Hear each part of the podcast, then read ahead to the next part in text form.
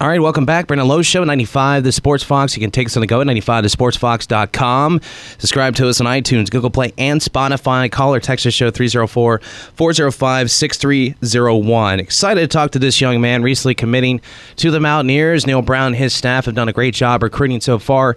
He is uh, committed to the 2020 class, and it looks like he's going to be recruited as a cornerback there with the Mountaineers. He's also a wide receiver at Watkins Mill High School. He's a four star uh, recruit, and he's been listed as an athlete, but looks like he probably, like I said, will play uh, defensive back there with the Mountaineers. He is David Vincent Okoli. David, welcome to the show, my friend. How you doing? I'm doing great. All right, so uh, let's let's let's jump at this, man. Uh, you had several schools offering you a scholarship. Why did you ultimately choose WVU?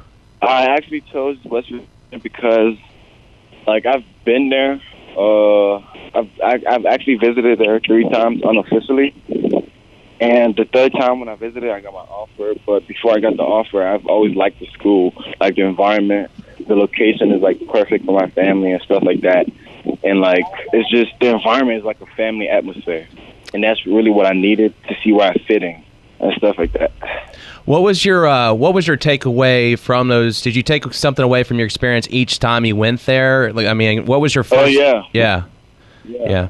Like I was looking for like how the coaches like are towards the players, how the players are to the coaches, if they really like them or if they're really just playing for themselves and stuff like that. But like uh, Coach Brown is like really changing the the program to more like a family atmosphere. So you're playing for your brothers and you're part of something bigger than you.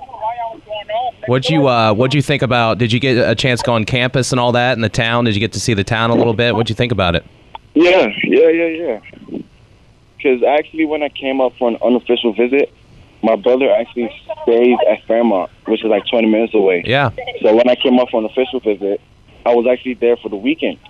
So I, I got like the chance to like go around the school, tour the campus, be with some players, just hang out, being around there, and it felt like home. That's awesome, man. Um, how did uh, how did Western? I know you called it your dream school. How did it come your dream school? Because I know you're a Maryland guy. Tavon Austin is a Maryland guy. I'm sure you fought along with Tavon Austin. What, how did West Virginia become your dream school? Actually, because of Tavon Austin, like his life was like crazy, you know, and that really made me feel like that really made me feel like I can be just like him. He's fast. I'm fast. He's kind of short. I'm okay. My height is all right. Yeah. You know, and stuff like that. But I really looked up to him as a player and as a person.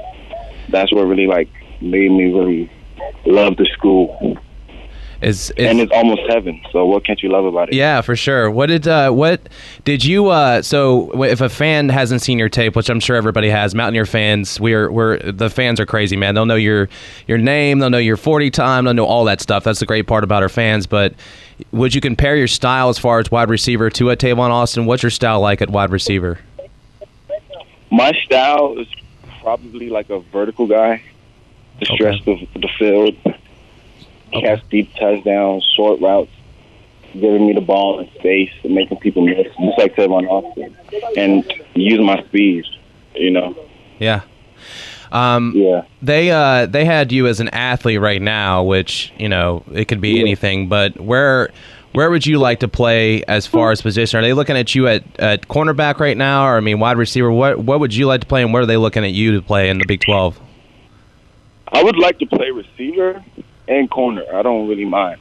Okay, But right now, the staring towards like the corner spot. okay. And you would, and that's and and the thing about the Big Twelve is both those are fun because of the fact that a lot of the guys drafted to the next level in the Big Twelve come from wide receiver and cornerback position based off the offenses. So for you, um, it's going to be a lot of fun whether you play cornerback or wide receiver. Yes, sir. Um, you won state titles in the 100 and 200 meter, correct? So, what is sir. what does your track season do for football season? Obviously, it helps your speed, but does it help with your endurance and stamina? What's that do to get you Oh, ready yeah. for football? Oh yeah, definitely, definitely helps with my endurance because I feel like track plays a, a big role in my football career because it's like from my high school I go back and forth. I'm on offense, defense, special team, and stuff like that, and I barely get tired. So track really does play a big role. what would you ultimately like to improve on when you go into that last year there in high school before moving on to the next level in Morgantown? What are you looking to improve on your last year at high school? Um, I'm looking to improve on like more of my hips flexibility. Just focusing on more on corner this year, you know. Yeah. Uh, like uh, really, I didn't really take uh, corner serious as I did for wide receiver, but getting to know like I'm going to college for corner. That's what I'm gonna really do this year. Just work on my my back pedal stuff like that. Yeah. Uh. I saw you had the uh, the new uniform on as well. Uh, is the is the all white your favorite combo? I mean, that's what you wore in the picture, but what's your favorite combo? Yeah, all white. We actually had we actually had three options. We could wear the gold, the the blue ones, or the white ones. Yeah, And I, I, really like the white ones. It's it's um it's, it's crazy.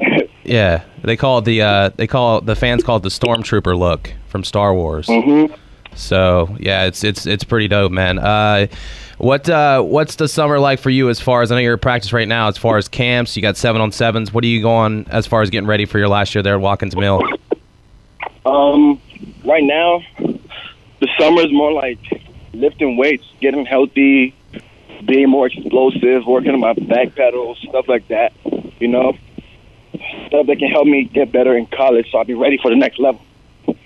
Very awesome, man. And finally, uh, I know you got to get through that last year there at high school, but you know, think about that moment when all that hard work pays off, and you're in front of the sixty thousand fans in Morgantown. Uh, that's going to be really cool. What would what would go through your head at that moment when you go to run out on on that field in Mountaineer uh, in a Mountaineer uniform? I would just be thankful, like just to have the opportunity to be there, to ball out, and to do what I love. You know, Yeah, in front of a lot of fans that support you and really love you. that's awesome, man. David. That's what I'm really gonna be thankful for. that's awesome, dude. David, I really appreciate your time. Uh, I know you're a busy guy. I appreciate you taking the time. Thanks for getting back to me, and uh, thanks for uh, coming on the Brandon Lowe Show, man. No problem, bro. Go Thanks. Mountaineers.